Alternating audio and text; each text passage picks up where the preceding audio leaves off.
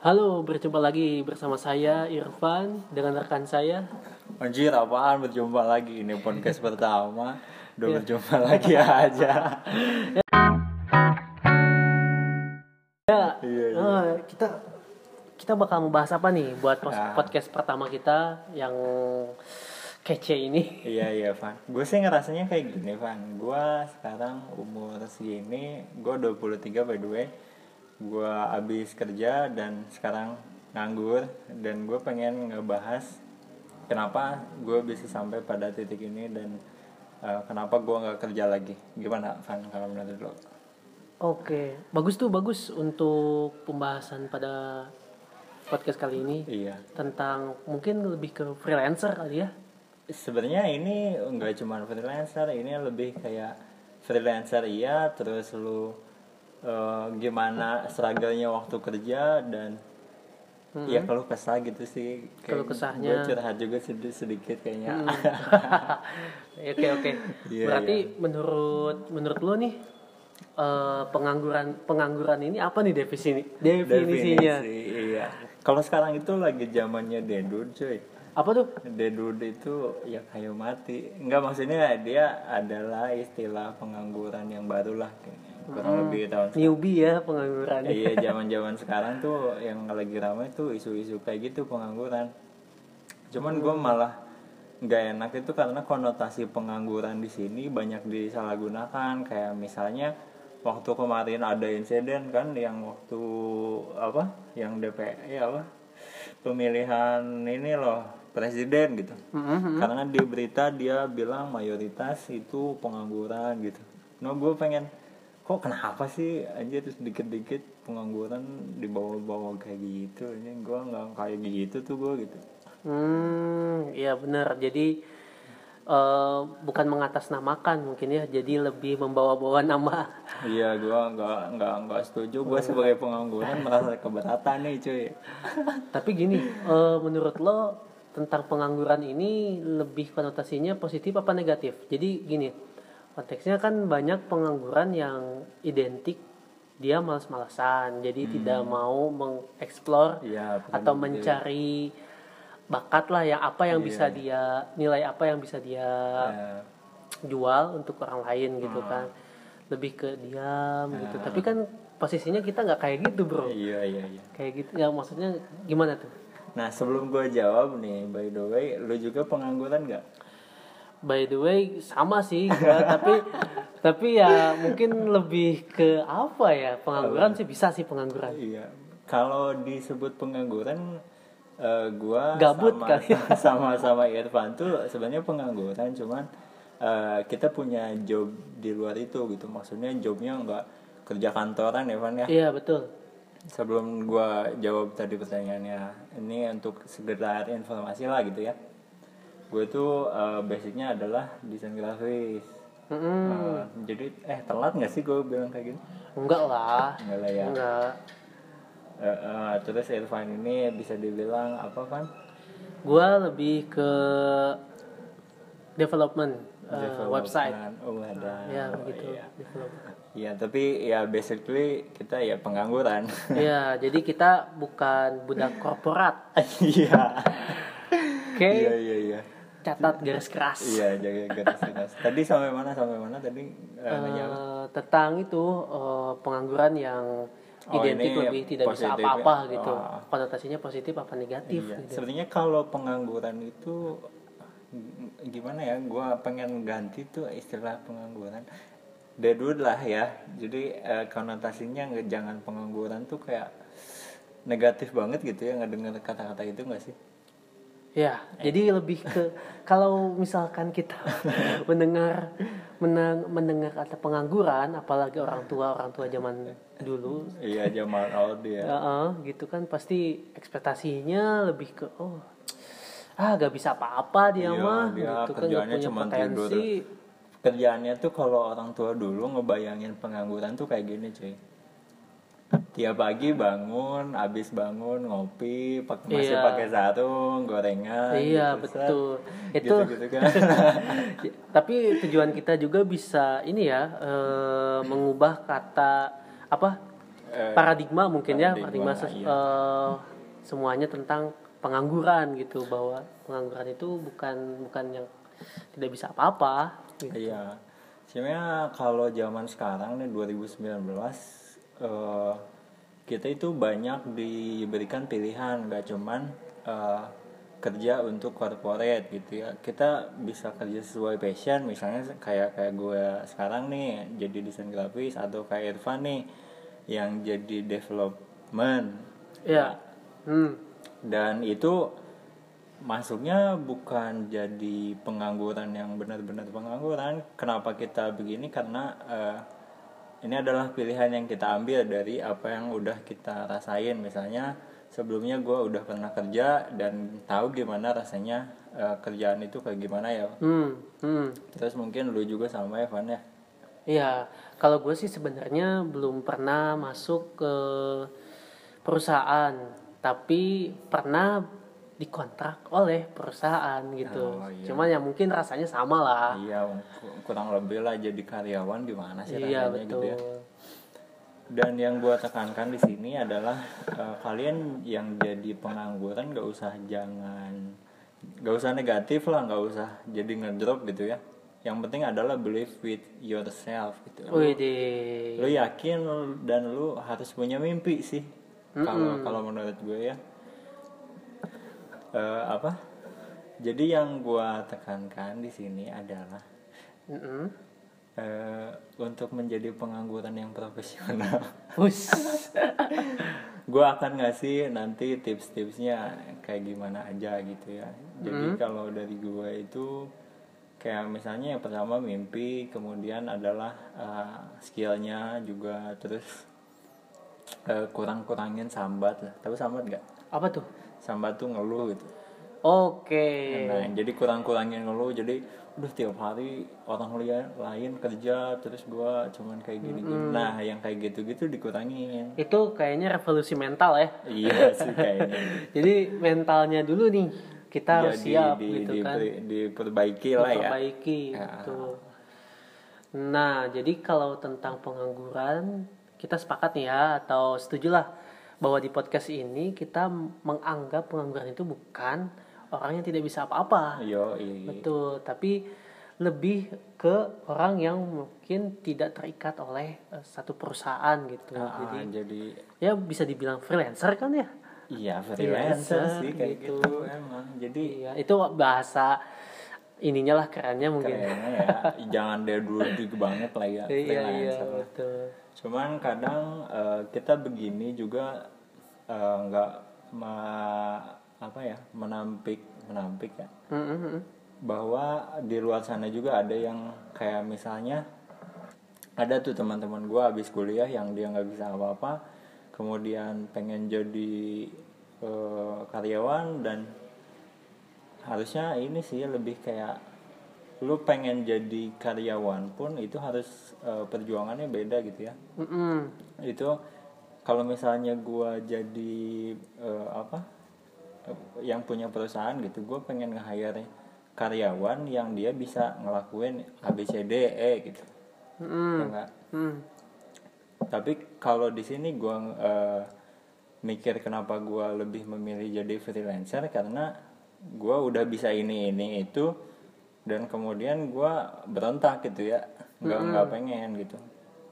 Cuman di sisi lain kalian yang merasa dirinya gue nggak bisa ini nih lu enak nih desain grafis bisa ini itu lu enak nih bisa jadi developer misalnya bisa eh, ngoding atau apa segala macam gitu. Gue kan nggak bisa apa-apa. Nah yang kayak gitu adalah kalau misalnya kalian ingin kerja gitu ya Iya. Itu adalah balik lagi ke diri kalian sendiri. Jadi eh, misalnya zaman sekarang itu kalau gue sering banget aja nemuin kayak gini. Abis lulus kuliah yang dibikin di CV-nya misalnya skillnya cuman eh, bisanya Adobe eh Adobe nggak sampai Adobe aja cuman Microsoft Word Excel PowerPoint ya nggak sih Iya, iya, iya. Jadi standar lah ya. standar Iya. nah yang Tapi itu juga udah mending sih. Ya maksudnya kalau misalnya dia benar-benar pro sih Oh, emang iya, iya. emang jago lah maksudnya iya, bisa ini apalagi Excel kan ya. Mm-mm. Kalau misalnya dia cuman apa sekedar lulus terus bisanya cuman basic doang bikin makalah yang kayak gitu-gitu menurut gue sih itu susah sih untuk bertahan gitu ya. Makanya kalau menurut gue kalau pengen jadi pengen kerja atau menjadi pengangguran yang berkualitas yaitu freelance yang berkualitas gitu ya otomatis dinaikin juga harga diri lu gitu. Dengan uh, bisa misalnya di Microsoft itu ada Adobe Outlook ya ya nggak sih? Ya ada. Nah yang kayak gitu-gitu yang aneh istilah aneh-aneh yang kayak gitu coba dipelajari ya nggak? Betul Hmm. biar menambah nilai Yoi, plus untuk yoi. diri kita pengetahuan lah Iya, gitu jadi kalau misalnya kamu ini bisanya eh, apa nih kalau misalnya eh, software gitu. Selain eh, Microsoft Office yang biasa gitu yang tiga, saya bisa ini, bisa ini, bisa ini kan oh perusahaan tuh oh dia bisa ini, bisa itu gitu kan. betul, Jadi betul. oh kalau bisa nih jadi karyawan gua gitu. Iya.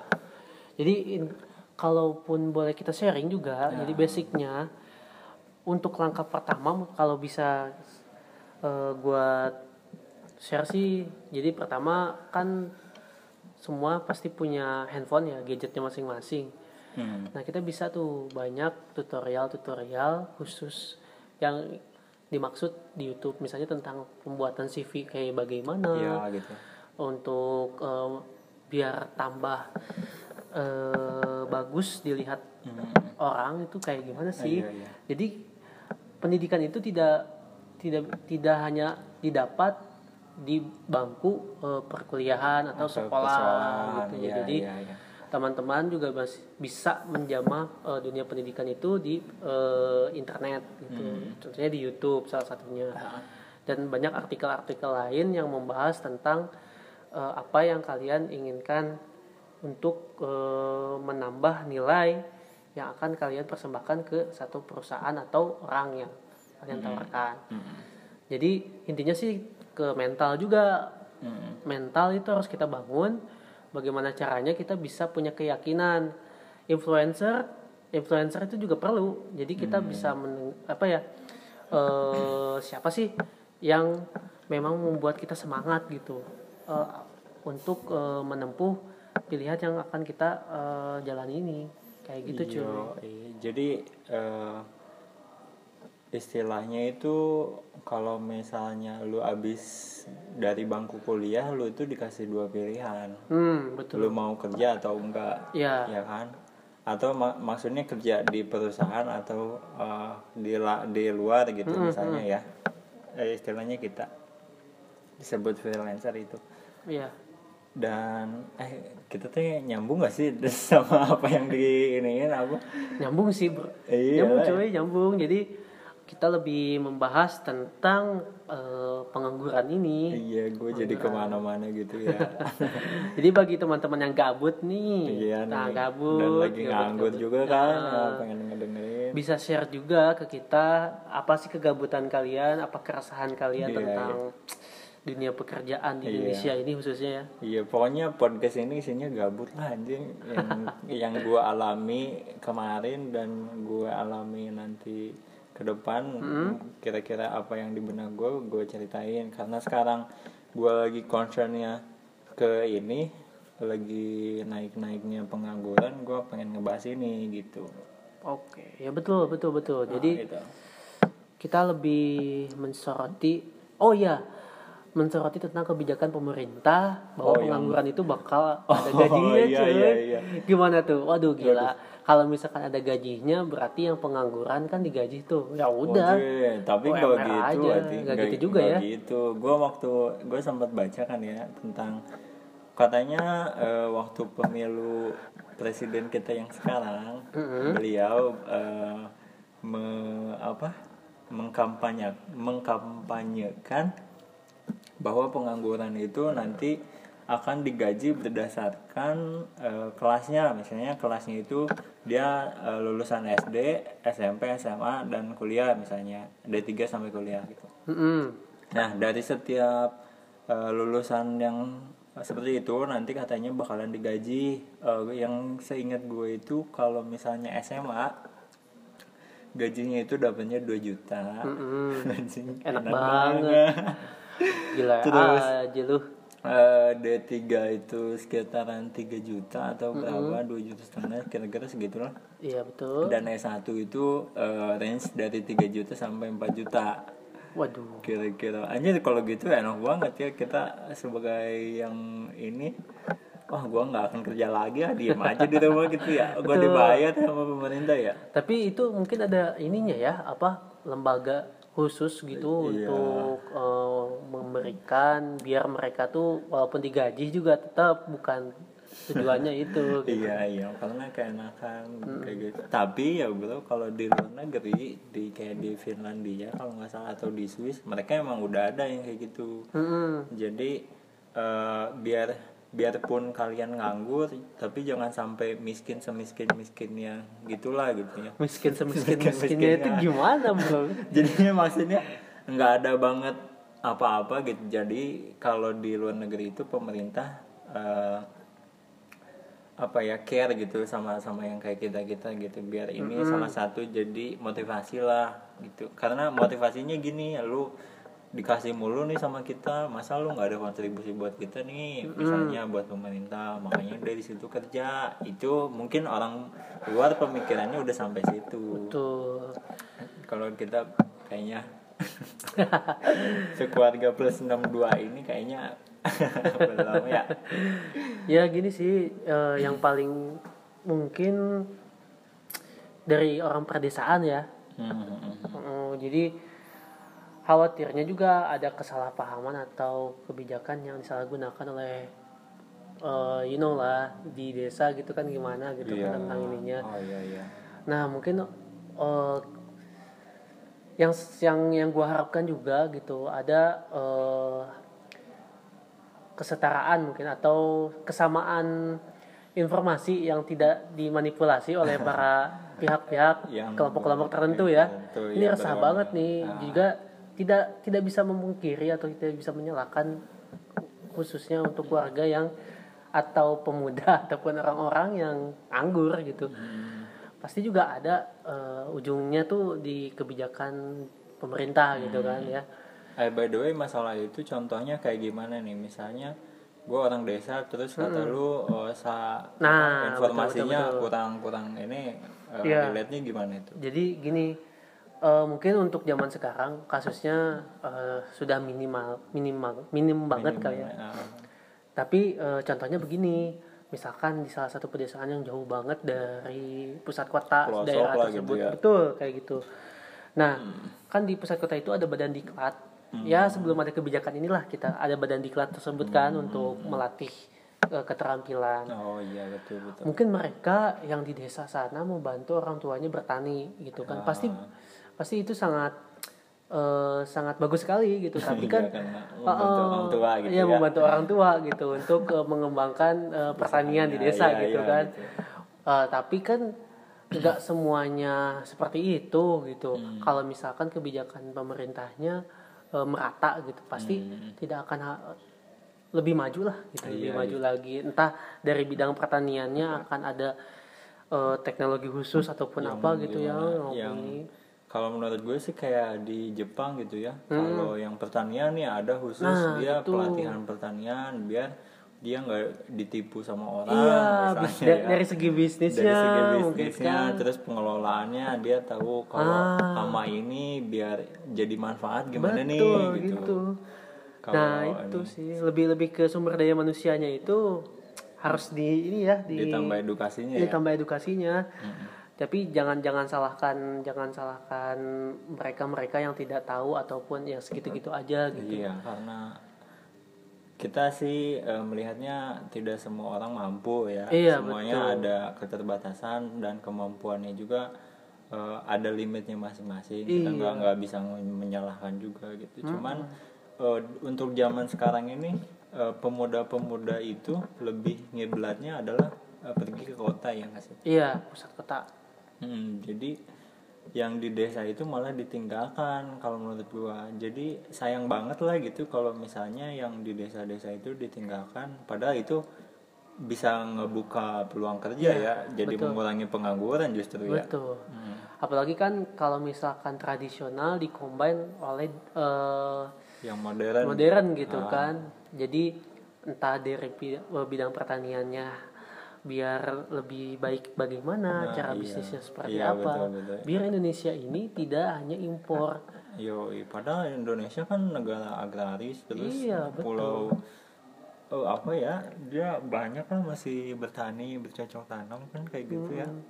harusnya bisa lah dimanfaatin gitu dan lu nggak usah sambat-sambat gua ngeluh eh apa gua wah gua pengangguran apa apa. Hmm. padahal coba lu lihat di luar sana gitu. Atau sekeliling deh. Di sekeliling gitu tetangga tetangga yang masih ini jangan gengsi lah gitu Iya, ya. betul. selama kita kalau gue sih mikirnya gini waktu gua nganggur eh, sewaktu senganggur gue itu kan gabut nih. Segabut gabutnya gue gue pengen ada yang ngerjain sesuatu gitu. Mm-mm. jangan gue tuh cuma diem liatin hp terus eh, ngomenin orang Iya. ngata-ngatain doang dan kita nggak akan maju gitu kalau misalnya gitu. Dan kalau dihubungkan ini ke pertanian atau yang sejenisnya gitu ya atau peternakan yang segala macam nah kegabutan gue eh, di apa dialokasikan ke sana. Mm-mm, mm-mm. jadi gue pengen ngelihat gimana nih sistemnya kalau misalnya jadi petani eh, caranya kayak gimana aja. Dengan gue yang basicnya adalah S1 gitu ya. Mm-mm. Nah gue mikir gimana eh, si produk kita biar bisa jadi misalnya Iya, gitu iya, ya iya. jadi jangan eh, terpaku oleh satu inilah satu pemikiran kalau petani itu harus begitu Iya, betul. petani itu kayak eh, nyocok tanam tanamannya udah ini tinggal ngerawat terus panen sampai gitu terus Iya, nggak iya. nggak nggak nggak kayak gitu terus gitu maksudnya ada yang jadi nilai plusnya masing-masing jadi kalau menurut gue itu kegabutan gue yang jadi produktif sih Iya, malah betul. jadi peluang juga bisa jadi kan iya nggak sih gitu Eh, menurut lo kan gini ya. Di Indonesia ini ada kayak himpunan-himpunan kayak gitu tuh. Hmm. Kalau buruh kan ada himpunannya. Nih, menurut lo setuju gak kalau para pengangguran ini ada himpunannya juga nih? Oh, kalau eh ke yang setahu gua mah himpunannya nggak tahu ada atau enggak. Cuman kemarin eh, Muslim tuh nggak Muslim? Eh, yang dari Yang sama si Coki Iya, si iya, Toang betul. itu dia tuh bikin ini bikin satu konten yang bilang pengangguran itu Deadwood yang gua jelasin tadi pertama. Mm-mm. Nah, si Deadwood ini adalah eh, kumpulan dari orang-orang yang pengangguran gitu ya. Harusnya kan mereka dibilang Deadwood itu malu ya. Mm-mm. dan ini malah jadi seneng gitu bangga weh ini gua ya. gua Deadwood nih bro ini Deadwood cabang Sukabumi ya lu Ah. cabang Tangerang misalnya salam kenal nah secara tidak langsung si Deadwood ini eh, jadi komunitas sosial media Oke. jadi bukan komunitas secara eh, misalnya tiap daerah untuk pertemuan kayak gitu nggak ada kata gue jadi eh, himpunannya itu cuman kayak di akun-akun sosmed tapi dia dikategorikan namanya itu Deadwood. Waduh, waduh, waduh. kayak movement gitu ya. iya.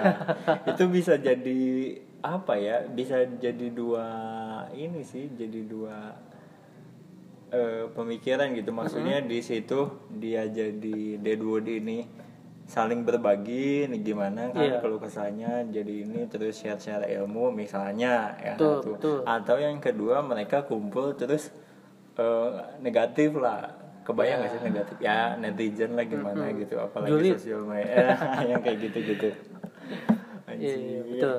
nah itu kalau masalah apa eh, komunitas ya ya? Komunitas, betul. Ah, ah.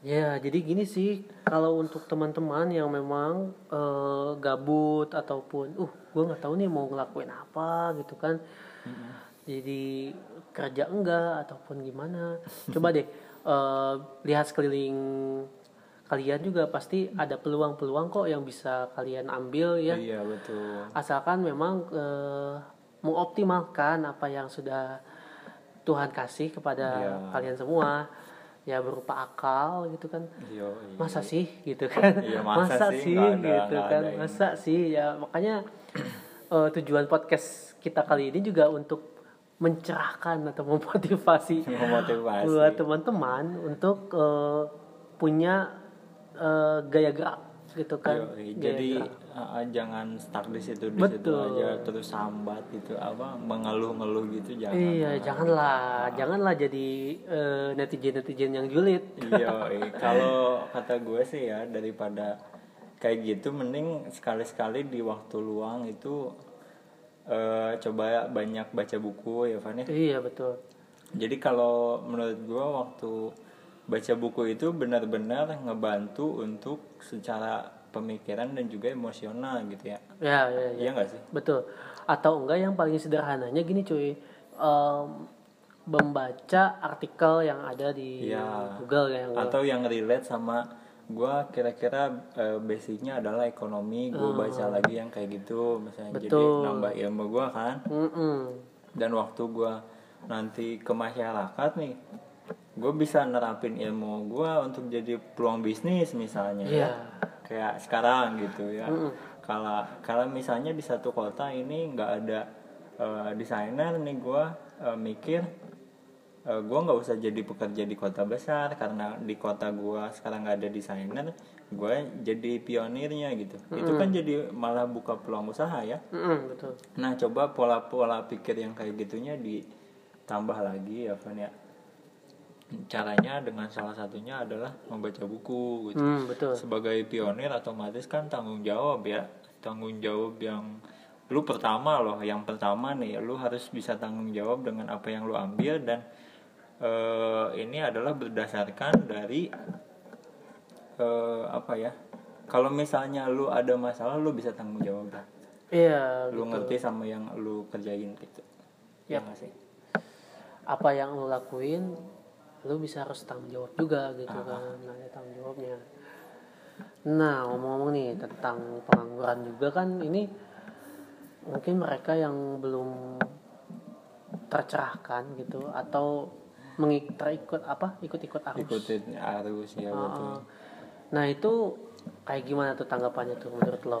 Kalau mereka nih kan lagi hype-hype-nya jadi youtuber gitu Oh, kan. iya. Ya anak kecil tuh cita-citanya, aduh aku pengen Jadi jadi YouTuber. gitu. pengen pengen jadi selebgram gitu, pengen kayak Anya Geraldine. Iya, iya. Boleh sih karir eh, ka- Nggak, karirnya nggak, itu nggak, boleh gitu, nggak tapi jangan sampai Iya nah, lah. nah, nah, itu loh. jadi konotasinya negatif itu Ah, jangan ya. sebenarnya kalau jadi youtuber tuh nggak masalah ya Gak masalah. dan kalau mau jadi artis tuh nggak nggak ada batasan sampai kayak gitu nggak bodo amat malah itu malah jadi di sisi lainnya nambah eh, apa confidence itu kayak kepercayaan diri Hmm. terus dia bisa ngedit video juga misalnya Hmm. berarti otomatis di sisi lain tingkat kreativitasnya dia meningkat Tuh. cuman nih yang paling harus diperhatikan adalah isi dan dari kontennya Iya. yang kayak misalnya omongannya yang kasar-kasar yang kayak sarkas yang Iya. Nggak ada faedahnya lah untuk me- apa panjat sosial yang kayak gitu cobalah dikurangin ya nggak sih Ya itu. Itu lebih ke pendidikan lingkungan juga ya, Yoi. lingkungan di keluarga eh, juga lingkungan ini. Ini luas sih sebenarnya Iya, kalau kita bahas ya. ke mana-mana Iya, iya. tentang pengangguran itu bisa jadi Iya, ke pendidikan. Wah ini semua ini bisa ngebahas materi kuliah gua waktu dulu loh asli bos. Iya, jadi memang eh, krusial banget sih tentang pengangguran ini. Hmm. Eh, jangan sam eh, buka- bukan jangan sampai ya. Bukan udah sampai. Udah sampai. udah udah ada udah ada fenomenanya sangat eh, masih tinggi angka pengangguran di Indonesia. Gitu. Mm-mm. Dan gue tuh ngerasa pengangguran Indonesia itu padahal lapangan kerja banyak ya Van ya. Tapi semakin banyak pula yang nganggur. Nah itu kenapa tuh Van bisa sampai gitu Van? Jadi mungkin gini ya, ada yang tidak pas mungkin dari jiwa-jiwa yang Iya. mereka Iya. eh, dalami itu di satu pekerjaannya kurang kali ya. Ada juga mungkin begini Gimana, bagi gimana? budak-budak korporat tuh Benar korporat. jadi apa ya mereka jalanin aja deh gitu kan. Iya, toh gajinya gede gitu walaupun dah. ditekan sama atasan. Ya dan ini kan buat keluarga juga iya gitu, gitu. itu nggak masalah sih menurut gua juga nggak masalah. fine, fine aja. Fine fine aja. Tapi eh, kita juga sangat respect juga bagi teman-teman yang berdiri di kakinya sendiri untuk iya. eh, memperjuangkan suatu ideal idealisme Idealisme dia tujuan ya yang penting eh, punya visi gitu Iya, punya misi ada rencananya ada gitu. rencananya tujuannya tuh apa Iya. agenda aksinya kayak gimana gitu iya kan iya. nah ada poin per poinnya ini pengangguran yang sangat berkualitas mungkin ya. ya. jadi sewaktu nganggur tuh kayak gue nih senganggur nganggurnya gue gue tahu jadwal hari Senin sampai Iya, Minggu tuh mau betul. ngapain Senin ngapain Selasa Rabu Kamis tuh udah ada jadwalnya Nah, jangan-jangan sampai lo hilangin ketika lo ada di bangku kuliah ataupun sekolah tentang jadwal-jadwal itu ya. iya Ya, yoi. jadi kan kalau di situ kan mungkin pelajaran apa tuh, nah kita ganti kegiatan apa yang bakal kita Iya, buat iya, iya. agendanya. Sebenarnya ini udah udah dipelajari sih sama kita sejak seda- sedari dulu, cuman kita nggak sadar gitu bahwa ini tuh ternyata sistematika yang penting juga gitu untuk Iya. eh, membangun habit yang baik. iya itu kayak ngebangun mental kita juga sih Iya ya betul cuy. jadi kita itu semuanya tuh based on schedule gitu Hmm. lu nggak bisa semata-mata langsung ini langsung jadi gitu nggak bisa Iya, tapi harus bisa. kita udah ada jadwal ini mau ke mana kita udah mau janji jadi eh, sebanyak mungkin waktu lu nganggur tuh perbanyak eh, apa komunikasi dengan orang lain. Nah, jadi nambah-nambah relasi. Hmm. gua nih eh, lulusan ini bisa ini ada yang bisa gue bantu nggak? Nah Hmm. di situ makanya disebut freelance. Gue bisa misalnya ngetekin tugas lu gitu. Tapi eh, ada upahnya ya gitu. Hmm. ya otomatis di situ dia menemukan nih jalan misalnya. Mm-mm.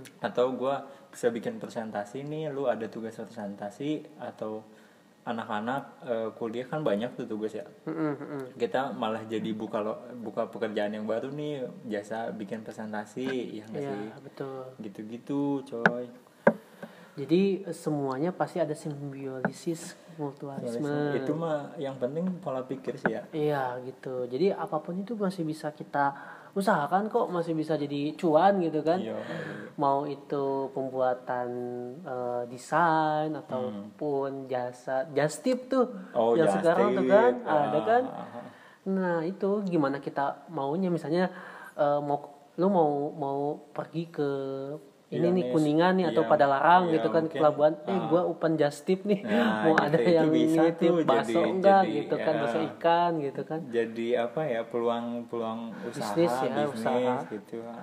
Jadi pinter-pinter lah kalau zaman sekarang itu kerjaan banyak. Banyak sekali cuy. Cuman yang kayak kita disebutnya freelance. Iya, just tip gitu. itu bisa jadi corporate bisa jadi freelance Nah, ya. gitu. kalau misalnya dia corporate dia ngebangunnya eh, apa ya startup lah Nah, dibilangnya ya lu bisa ngebayangin nggak tentang JNE yang jasa pe- Oh, antar barang itu kan nggak kepikiran ya asalnya iya iya iya ada Tiki, ada JNE. Sekarang banyak banget ada si Iya. cepat, ada banyak fitur Iya, yang bisa kita Banyak. pilih gitu. Iya.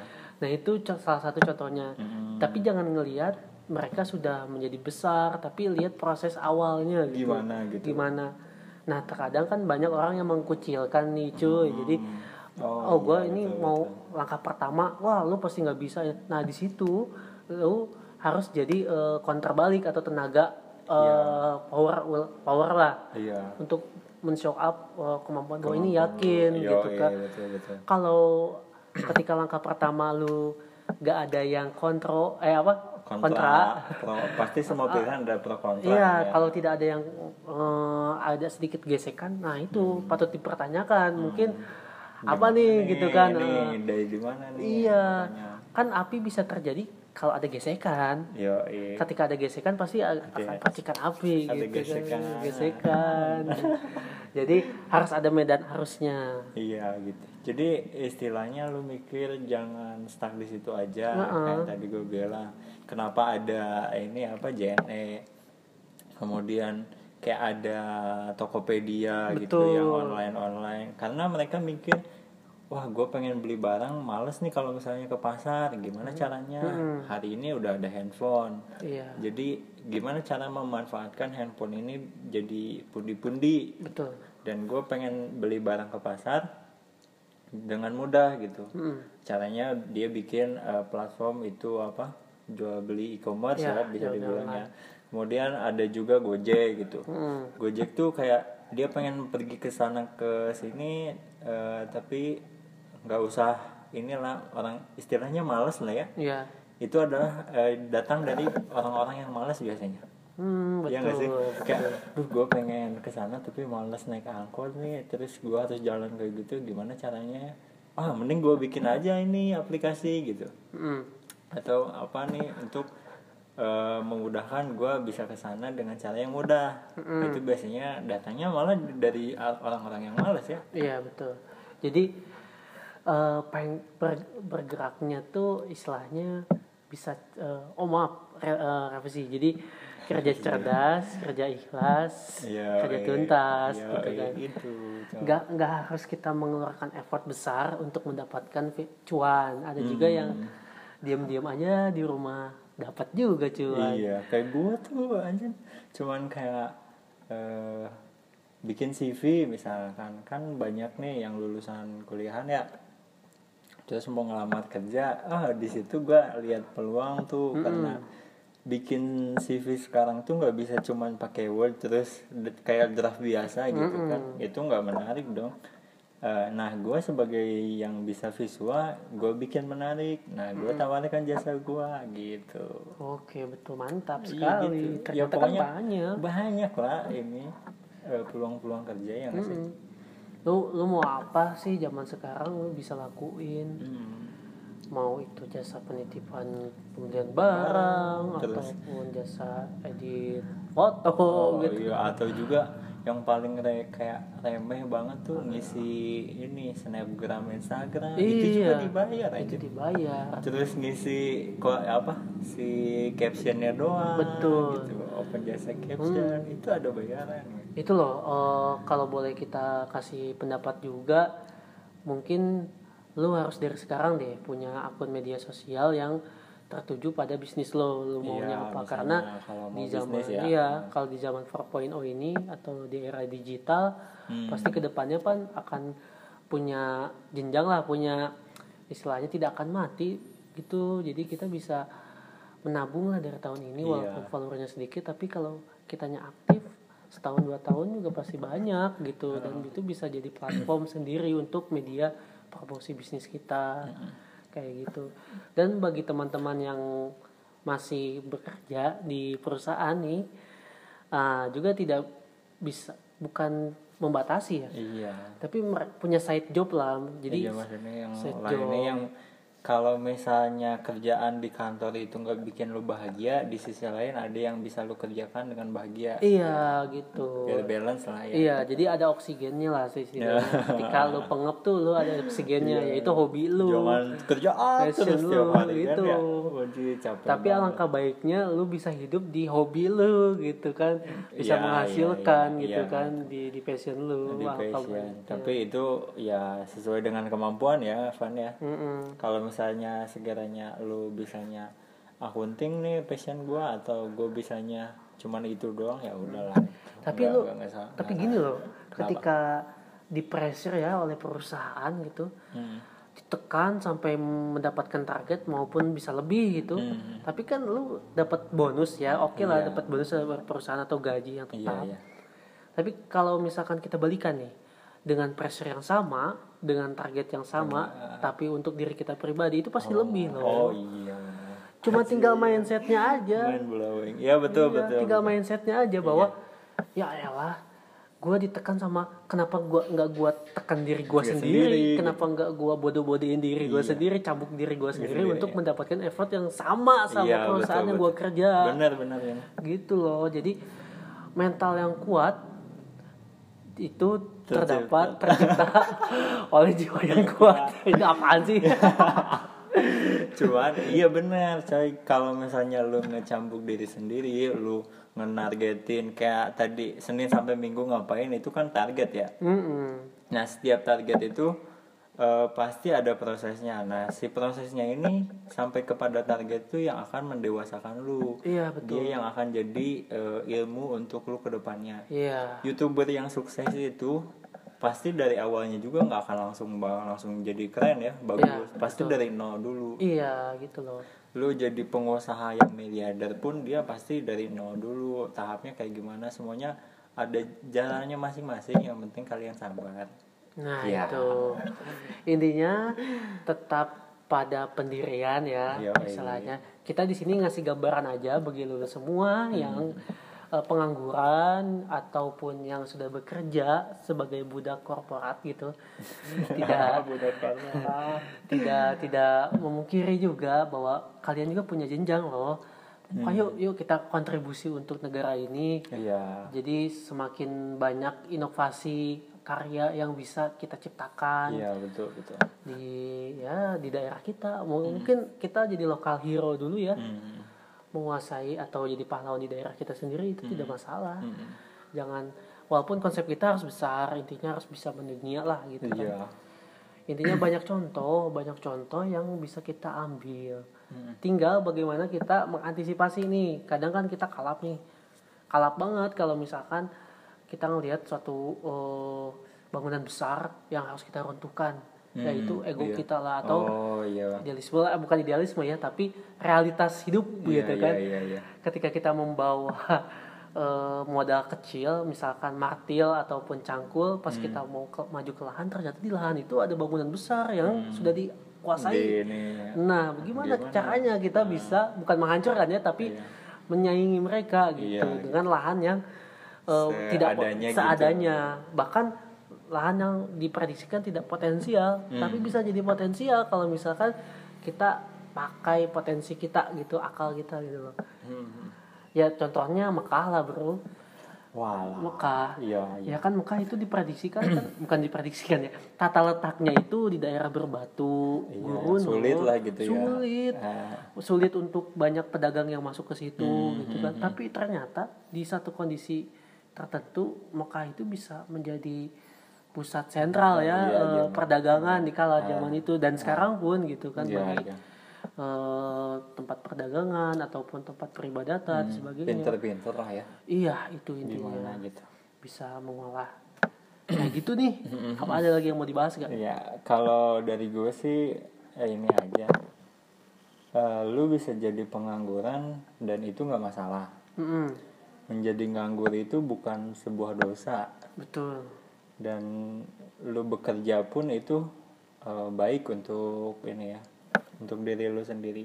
Sebelum lu mikirnya gini, sebelum lu kepada mikirin semua orang, coba lu pikirin tentang diri lu sendiri. Lu siap atau enggak untuk mengambil pilihan ini? nah mantap dari semua pilihan pasti ada efeknya baik itu baik atau buruk. Mm-mm. Nah coba itu dipikirkan, kemudian e, menjadi pengangguran itu gue sih seneng-seneng aja ya, Mhm.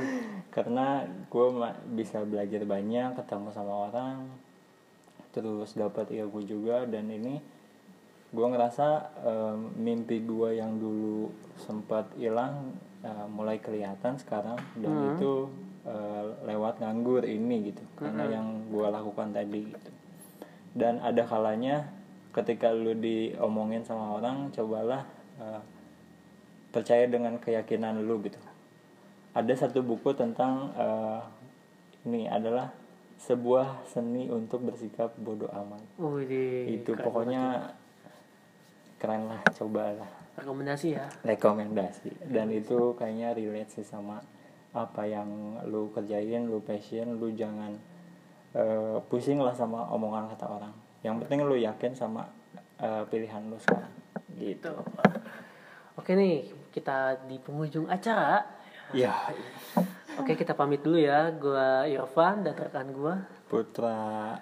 Eh, selamat men selamat merenung silahkan merenung silakan merenung kontemplasi Eh, apa ada yang ingin ditanyakan bisa ya eh, di Iya. sosial media kita Iya, mungkin iya. nanti nanti eh, ada juga instagram gua namanya putra dwi 23 dan Instagram gua juga Irfan Hasna Putra nah itu eh, lu semua bisa follow atau juga langsung tanyakan sesuatu Iya. yang ingin lu tanyakan Nah, gimana sih caranya gitu? Apa lu butuh motivasi nih iya, bang gimana? Atau yang kayak gitu, gitu, gitu lah. ya. Oke eh, selamat jumpa Salam nganggur.